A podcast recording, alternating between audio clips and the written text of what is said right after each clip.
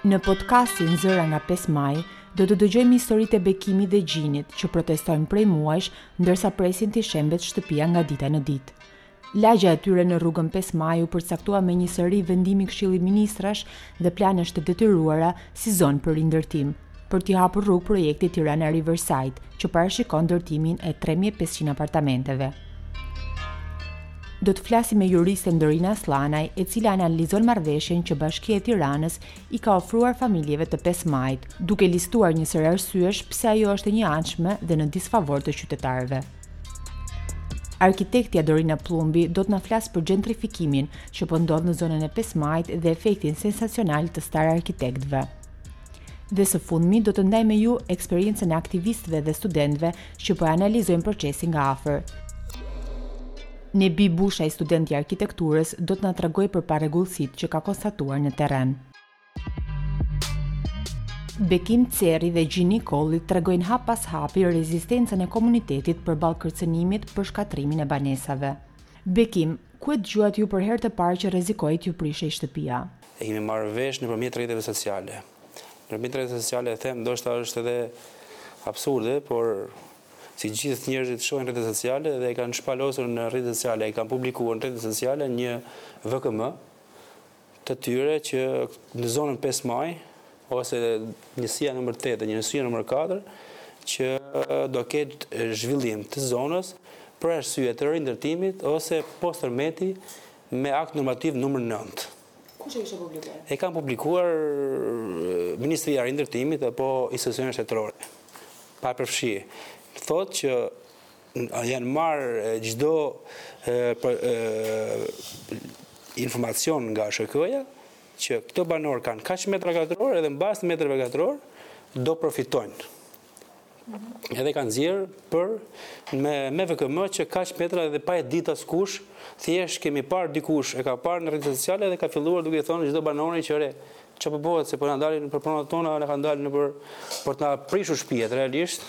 Pse nuk jeni ju dakord me kontratën që ju është propozuar nga bashkia e Tiranës? Tani, nuk jemi dakord se këto luajnë me lojra fjalësh në të parë. Ajo kontratë të cilën e ka nxjerrë bashkia, nuk përcakton asgjë. Ne jemi interesuar, kemi marrë kontratën, të ashtuquajtur kontratën e tyre, që është kontratë premtimi, tamam tamam nuk është, e kemi marrë dhe kemi shkuar në çdo lloj institucioni, pak më të ligjshëm, siç është noterët ose, ose avokatia, dhe thonë që kjo kontratë është e paligjshme. Pse është e paligjshme? Në atë kontratë nuk përcakton as vendin se ku do e marrësh atë ndërtesë që ka dhënë për të shkëmbyer me metra katror, nuk përcakton as kahun, as katin, asgjë fare, thjesht të përcakton, thotë që unë në një të ardhme të premtoj që aq metra katror do të të jap. Po se ku dhe kur dhe në çfarë vendi nuk e përcakton. Nëse ti do të shkosh të firmosësh këtë lloj kontrate që ta parashtro ky, duhet që të bësh një vetëdeklarim me dëshirë shumë të plotë që unë ta dhuroj shtëpinë me dëshirë. Do të thotë ti të dhurosh shtëpinë tënde me dëshirë që shteti të bëjë zhvillimin e zonës në atë pronë. Përderisa ne nuk jemi dakord dhe nuk ajo kontratë është e pavlefshme, ne nuk firmosim atë lloj kontrate.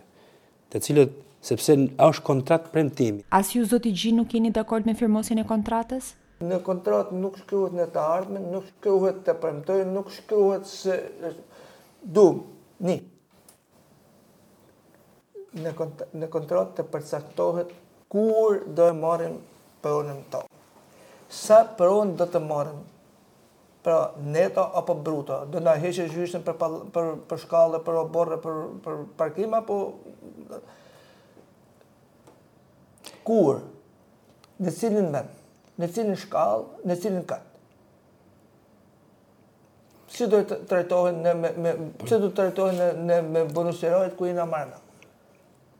Pse? Pra, merre fut disa marrë shumë shumë mirë bën, po jo të fusë aty ku jemi ne e dalim ne jashtë. Pra, në mënyrë të një me, menjëhershme, atë në zhajë banesën, në bazë të kësaj kontrate të rregullt. Ne nuk e se themi nga mendtë tona, pavarësisht se e kemi, e kemi, e kemi lexuar dhe nuk na ka pëlqy, po ne kemi pytë jurista për këtë punë. Edhe të gjithë juristët, avokatët, të gjithë kanë thënë kontrata është e parregullt, e paligjshme. Se nxjerrë jo është kur thotë ik e merr ti banesë me 180000 lekë të vjetra, edhe ik e merr thotë kur dush ose 200000 lekë parafërsisht. Më le të vinë aty te rruga 5 maj, edhe ti ti ti ti kërkoj e të shofë a ka banesa me 180000 lekë aty. Le të gjejnë. Ose mund të gjejë edhe falas ai. E fundit, për shembull, që është vjen puna se biem dakord për me prish shpitë, se ne s'kena ra dakord, po biem dakord me prish shpitë, le të më gjejë shpinë ai, le të më fusë ai, m'u ka prish shpia, ka me m'fut me qera, deri në momentin kur të ngrihet pallati, edhe deri në momentin kur të më thot vendin, shkallën dhe në tesin ku do futet. A keni bërë përpjekje për të prezentuar ankesat tuaja Bashkisë së Tiranës? Kryebashkiaku, bashkë me njerëzit e tjerë që vijnë mbrapa, që vjen te zona jonë, ka qenë edhe para ca kohësh, para një muaji, vjen e shikon atë pallatin, ka ardhur në orën 6 të mëngjesit. 6 të mëngjesit dhe ka ikur në orën 7, edhe në orën 6 gjithë njerëzit janë në gjumë, edhe deklaron Erion Veliaj, thot, unë ja ku jam, ju banorë ku jeni. Imagjino çfarë thotë një kryetar bashkie që unë jam këtu ku jeni ju sepse ai vjen edhe pastaj e nxjerr sikur është live në orën njëmbëdhjetë të drekës. Njëmbëdhjetë të drekës ishim ne aty dhe po i thonim realisht që ku je vëlla se ne jena këtu. Askush, askush nuk është se po i top banorë dhe dalin të bëjnë presionin e velisëve. Ne duam një sqarim, duam një zgjidhje. Erion Veliaj e merr këtë pjesë që ka thënë shpesh herë atje në në në një intervista që ne po i bëjmë me shpija ata se po i dhurojmë shpija. Jo mo zotëri në zonën tonë ti po i merr shpija sepse na po na trajton me akt normativ. Në zonën tonë nuk ka ra as tërmet, as vullkan as gjë. Ne po na trajton të njëjtë siç personat që do vijnë në atë zonë me akt normativ ose post tërmeti.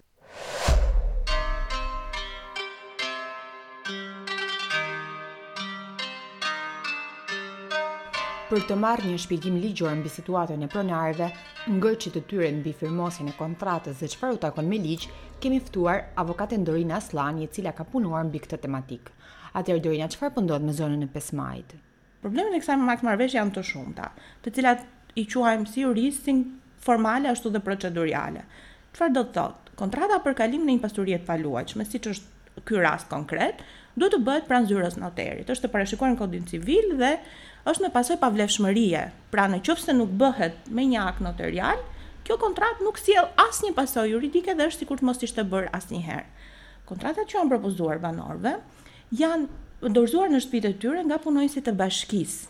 Pra në mungesë të një noteri, sigurisht që noteri ka të drejtë në bazë të ligjit që të lëvizë nga zyra e tij dhe të paraqitet pranë banesave të banorëve, por duhet ishte aty.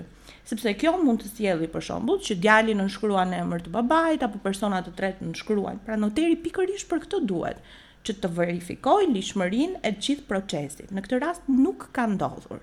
Pra, kontratat që iu janë dorëzuar banorëve dhe u është kërkuar të firmosen në vend, nuk kanë pasur një noter të pranishëm. Plus që të dyja palët duhet të jenë të pranishme.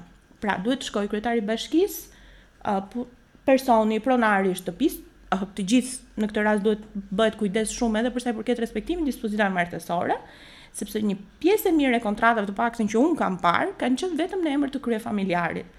Po bashkëshortja, e cila është gjithashtu pronare, qoftë në proces legalizimi apo qoftë edhe kur pasuria është e regjistruar që mund të jetë vërtet regjistruar në emër vetëm të njërit bashkëshort, por në bazë të dispozitave tona të kodit familjes, ajo është pronësi e përbashkët.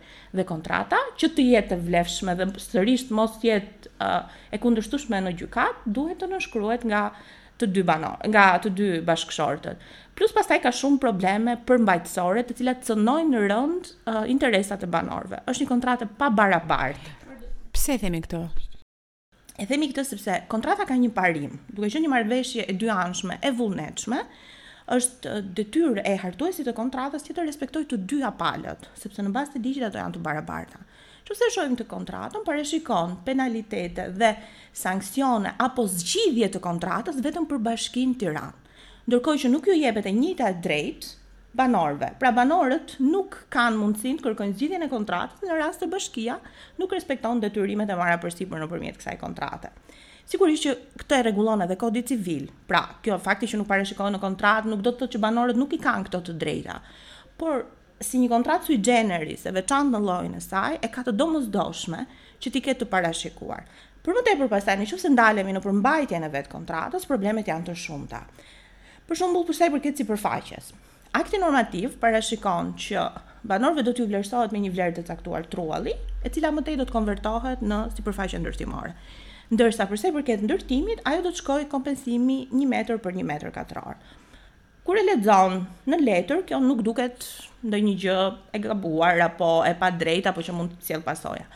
Por në qoftë se shkon në realizimin në terren, pastaj dalin probleme. Kur lidhet një kontratë normale sipërmarrje, që është kontrata që lidhin zakonisht uh, banorët apo qytetarët me shoqëritë e ndërtimit, duhet të përcaktojnë edhe çfarë njësie do të marrin. Pra, do ta marrësh në kat të parë, të dytë, të tretë, në uh, me çfarë me pamje nga veriu, nga perëndimi etj. Nuk ka asnjë parashikim, as në kontratë edhe as në ligj.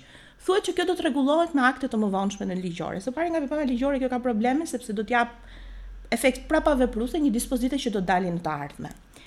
Unë e kam ndjekur pak këto ditë dhe nënkryetari i Bashkisë Tiranë deklaroi se kjo do të bëhet me short. Dhe edhe kjo në pamje të parë duket sikur shorti ia lë fatit dhe asnjë nuk mban përgjegjësi për një trajtim të pabarabartë midis banorëve. Por është e rëndësishme të specifikohet si do të funksionojë shorti, si do të realizohet ai dhe këto duhet të bëhen që sot, që banorët të jenë të qartë se çfarë i pret, sepse nuk po flasim për një um, pasuri të zakonshme, të cilën ata e kanë për qejfin e tyre apo për një pasuri luksi. Po flasim për banesat dhe banimi është një drejt themelore e njeriut. Dhe jo vetëm që uh, është e drejtë themelore, po ka dhe angazhim aktiv nga ana e shtetit që t'i sigurojë qytetarëve të tij të drejtën e banimit. Në këtë rast ne jemi në invers. Pra, shteti po ndërhyn te këta qytetarë duke i privuar nga e drejta e banimit dhe duke i lënë në një situatë të të paditur dhe të panjohur. A janë në të drejtën e tyre banorët për mos ta firmosur kontratën?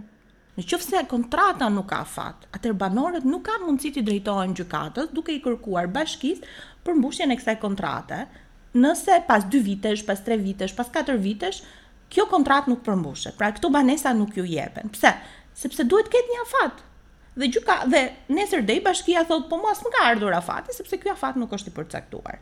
Sigurisht, Kodi Civil ka të parashikuara dispozita, por ne nuk mund t'ia lëmë interpretimit të gjykatës apo njohurive të avokatëve specifika të tilla kaq të rëndësishme dhe kaq të mprehta, të cilat kanë edhe një një mbar një problematikë të gjërë, pra nuk po cënohet një apo dy qytetarë, po është një komunitet shumë i madhë. Kështu që në këto raste është detyrë e bashkisë që ta merrte seriozisht, meqë paska dy vite që po merret me këtë problem, ka pasur dy vite që të hartojë një kontratë ashtu siç duhet me të gjithë elementët. Për shembull, një problem tjetër është rasti i lënies së pasurive të paluajtshme si garanci hipotekore. Shpeshherë, kreditë bankare kërkojnë që nëse janë me një vlerë të konsiderueshme që ti të vendosësh një pasuri të paluajtshme si garanci. Nëse kjo pasuri shkatërrohet apo humbet, në bazë të kodit civil, kredidhënësi, banka, ka të drejtën që të të kërkojë përmbushjen e menjëhershme të detyrimit kontraktor. Pra, nëse sot kemi banorë të cilëve ju është prishur garancia që kanë pasur në hipotekë për kredinë bankare, atyre nesër banka mund t'ju kërkojë përmbushjen e kredisë në mënyrë totale.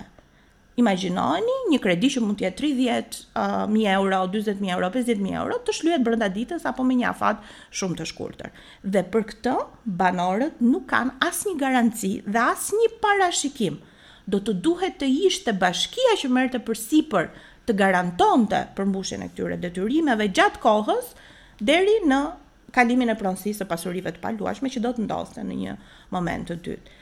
Dhe unë nuk mendoj se bashkia edhe në kuptim të aktit normativ i cili lë shumë pasaktësi, lë shumë situata të pazgjidhura, bashkia i ka rregulluar këto me këtë kontratë.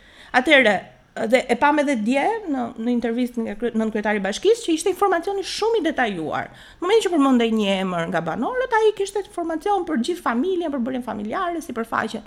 Pse ka nevojë ky banor që të shkojë dhe të aplikojë me një qerre me dokumenta, duke pasur traumën shumë të madhe familjare që po kalon, për të përfituar atë që e ke ti detyrim që t'ia japësh dhe që duhet të kishte filluar të paguhej, sepse ti duhet të kesh lekët e qirasë të shkosh të gjesh një apartament me qira dhe duhet të jetë një qira ndryshe nga ato të bonusit të strehimit apo programe të tjera sociale që ka bashkia, sepse vlerat që janë aty janë shumë të vogla dhe absolutisht nuk përballojnë çmimet që ka qyteti i Tiranës, që i dimë të gjithë se sa të larta janë. Nga pikëpamja profesionale, si mund ta përcaktojmë një kontratë të tillë? Domethënë, për mua ajo kontrata është turp, unë kam 14 vjet që jap mësim kontratat. Dhe ta shohësh atë kontratë nga pikëpamja profesionale, është një turp, është një, është e, është e padrejtë, është e pasaktë ligjërisht, është bërë me shpejtësi, Sepse dhe kur ti do që të arrish disa gjëra të tuat, ne si profesionistë e dimë, ti mund të fusësh elementë të stërholluar, kjo është zotësia jonë si juristë dhe si avokatë. Në këtë rast nuk është e tillë, është e bërë me një nxitim,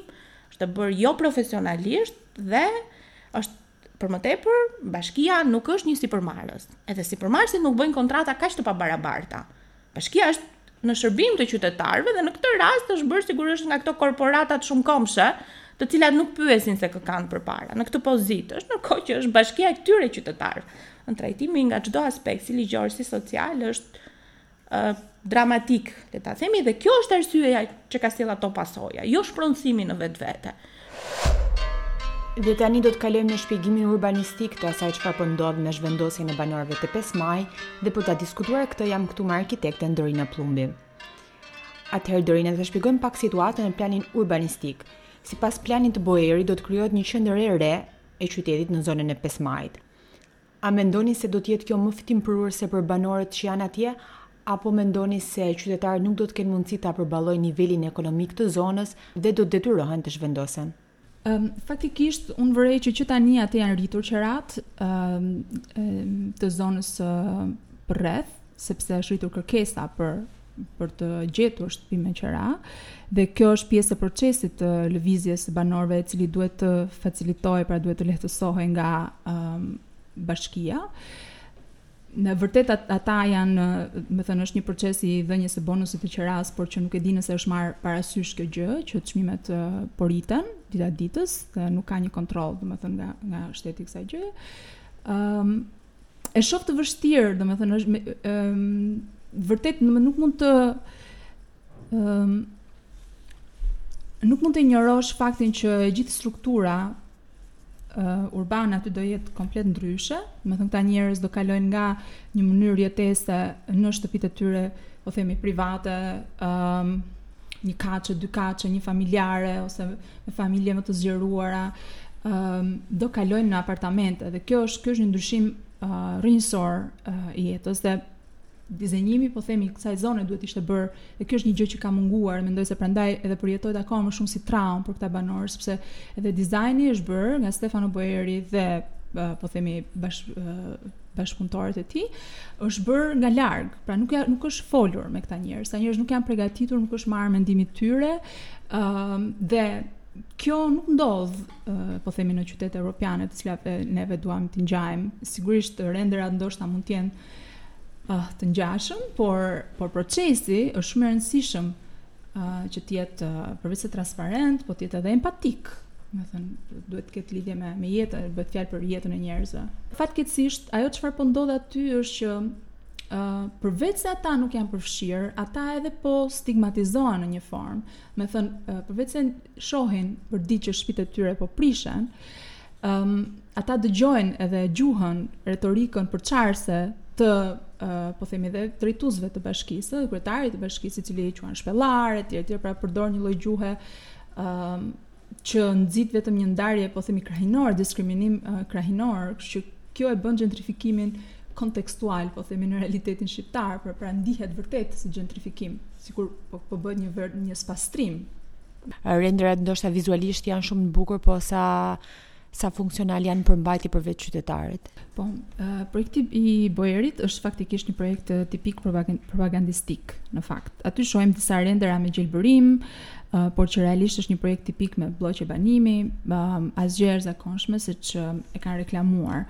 Gati gati aty madje mund të flitet edhe për një rikthim të një gjuhe deterministe arkitektonike, të hapësirave gjigante midis godinave që prodhojnë sheshe të stërmëdha, um, ka efektin e spektaklit, pasi përveç asaj që njihet si greenwash, që është tipike e këtij arkitekti, ai tregon aty në render dhe elementë që simbolizojnë një të ardhme teknologjike, po themi për zonën, i për shembull tarracat e gjelbëruara që tek të cilat që, që simbolizojnë edhe këtë një reflektim të një dizajni në një kohë post Covid, pra tregon se si dhe posta apo por porositë për pazar do të shpërndahen me dron.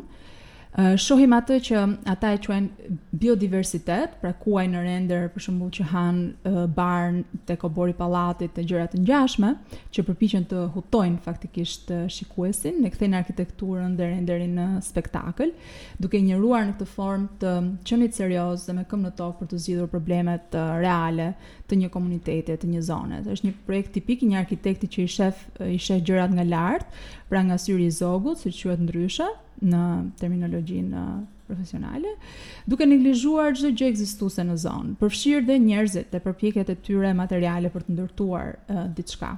Pra për, për, për Boerin aty është është tabula rasa dhe ai flet për ekologji e biodiversitet, por në fakt injoron ekologjinë njerëzore që ekziston aty, pra injoron prezencën e, e njerëzve.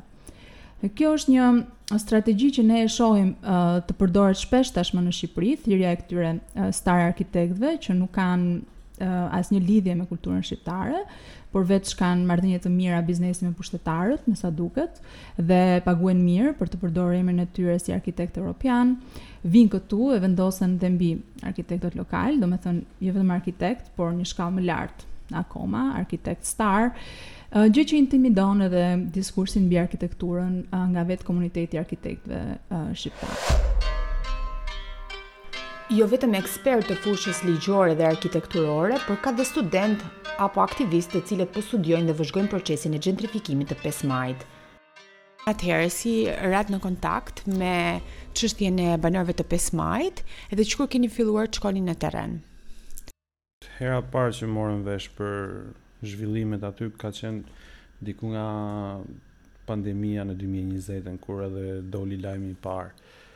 Pastaj më vonë, më detajisht, kemi rënë në kontakt nëpërmjet fakultetit, ku unë vazhdoj një master për uh, urbanistik, dhe meqenëse gjitha këto planet e bashkisë sillen në fakultet për për t'u trajtuar nga studentët.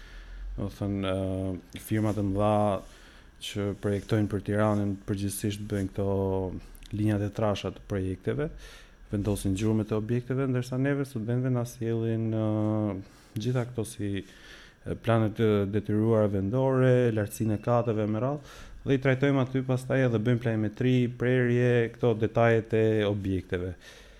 Edhe aty në shkollë Si me thënë, unë rashë në kontakt me materialet e detajuara të projektit, dhe nisur nga kjo, menduam që duhet të bënim diçka, domethënë, të, të merreshim me, me këtë si çështje. Edhe nga fillimi i nëntorit, ose fundi i tetorit të këtij viti, kemi filluar të dalë një paqartësi te, te banorët në raport me projektin. Imagjino, paqartësia arrin deri aty sa Preken afro tridhjetë hektarë tokë dhe jo të gjithë nga këta që preken e dinë me siguri ose për shembull te konturi i zonës që do preket. Ngaqë do zgjerohen rrugët në kontur të kësaj zone, ata që janë brenda konturit edhe e kanë marrë vesh nëpërmjet banorëve të tjerë apo edhe medias më vonë, ndërsa këta që janë jashtë konturit flenë të qetë sepse Mendojnë se nuk do i kapë ata, kur në të vërtetë rruga që do zgjerohet aty, për shembull, kap edhe të paktën gjysmën e objekteve në varësi të afërsisë me me rrugën. Kështu që paqartësia ka qenë e madhe. Detyrimisht kur ke paqartësi lind edhe shqetësimi, shumë të stresuar, na rrëfeshin se si nuk flenin me net të tëra, sepse ishin të paqartë si të vepronin, sidomos në lidhje me atë marrëveshjen që ju kish sjellë bashkia, e kështu me radhë, që nga mënyra se si është vendosur të ndërhyhet në zonë. Uh, ajo justifikohet nëpërmjet tërmetit, por dihet me saktësi se ka patur planet më hershme për, për ndërhyrje në zonë, dhe të paktën që nga administrata e Bashës me planin Grimshaw që prek komplet bregun e lumit në dy anët të lumit të Tiranës, dhe më vonë pastaj edhe planet e administratës së Veliajt. Me rënien e tërmetit ta gjetin justifikimin se si të futen dhe të ndërhyjnë aty dhe po e shesin si proces rindërtimi që edhe mund të jetë në një pjesë të zonës, Domethënë, mund të ketë objekte të cilat do shërbejnë për strehimin e atyre që mbetën pa strehë nga tërmeti i 2019-ës, po përtej kësaj në zonë ka ndërhyrje që nuk nevojiten për rindërtimin. Dhe kjo faktohet nëpërmjet kullave, po të shohësh planin, i cili s'është publik fare, që është një shkelje tjetër nga ana e institucioneve, pra planet e detyruara vendore janë të detyruara me ligj të publikohen, nuk e gjen as te faqja e bashkisë, as te faqja e AKTP-së, as te faqja e Ministrisë së Rindërtimit. Ë po të shohësh planin, vëren se ka 9 kulla, më e madhja 30 kate dhe këto nuk i shërbejnë rindërtimit. Kështu që ë Kjo është një nga shkeljet. Pastaj shkelje të tjera, akt-marrëveshja, të cilën edhe me ndihmën e juristëve e kemi analizuar dhe janë gjetur shkeljet juridike ku premtohet se do miratohet një ligj në të ardhmen për mënyrën se si do dëmshërblehen Pastaj në terren kemi hasur shkelje të tipit mungesë tabelash informuese në kantiere. Nga gjithë kantieret që janë sot aty, vetëm Dy prej tyre kanë tabela, të tjerët nuk kanë tabela informuese. Um, shkelje tjetër, pastaj është konkursi, ose mungesa e konkursit, domethënë. ë uh,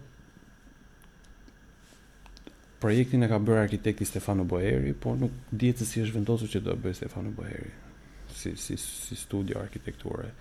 Dhe Përpara se të shkohej te dhënia e projektit dikujt, do të duheshin bërë diskutime publike me banorët, me ekspertë të fushës, urbanistë, sociologë e me radhë, sepse po ndërhyhet në një zonë me së paku 300 familje, pra është një komunitet i ndërtuar këto 30 vitet e fundit dhe krijohet një farë tradite e të jetuarit aty dhe nuk është marrë fare parasysh.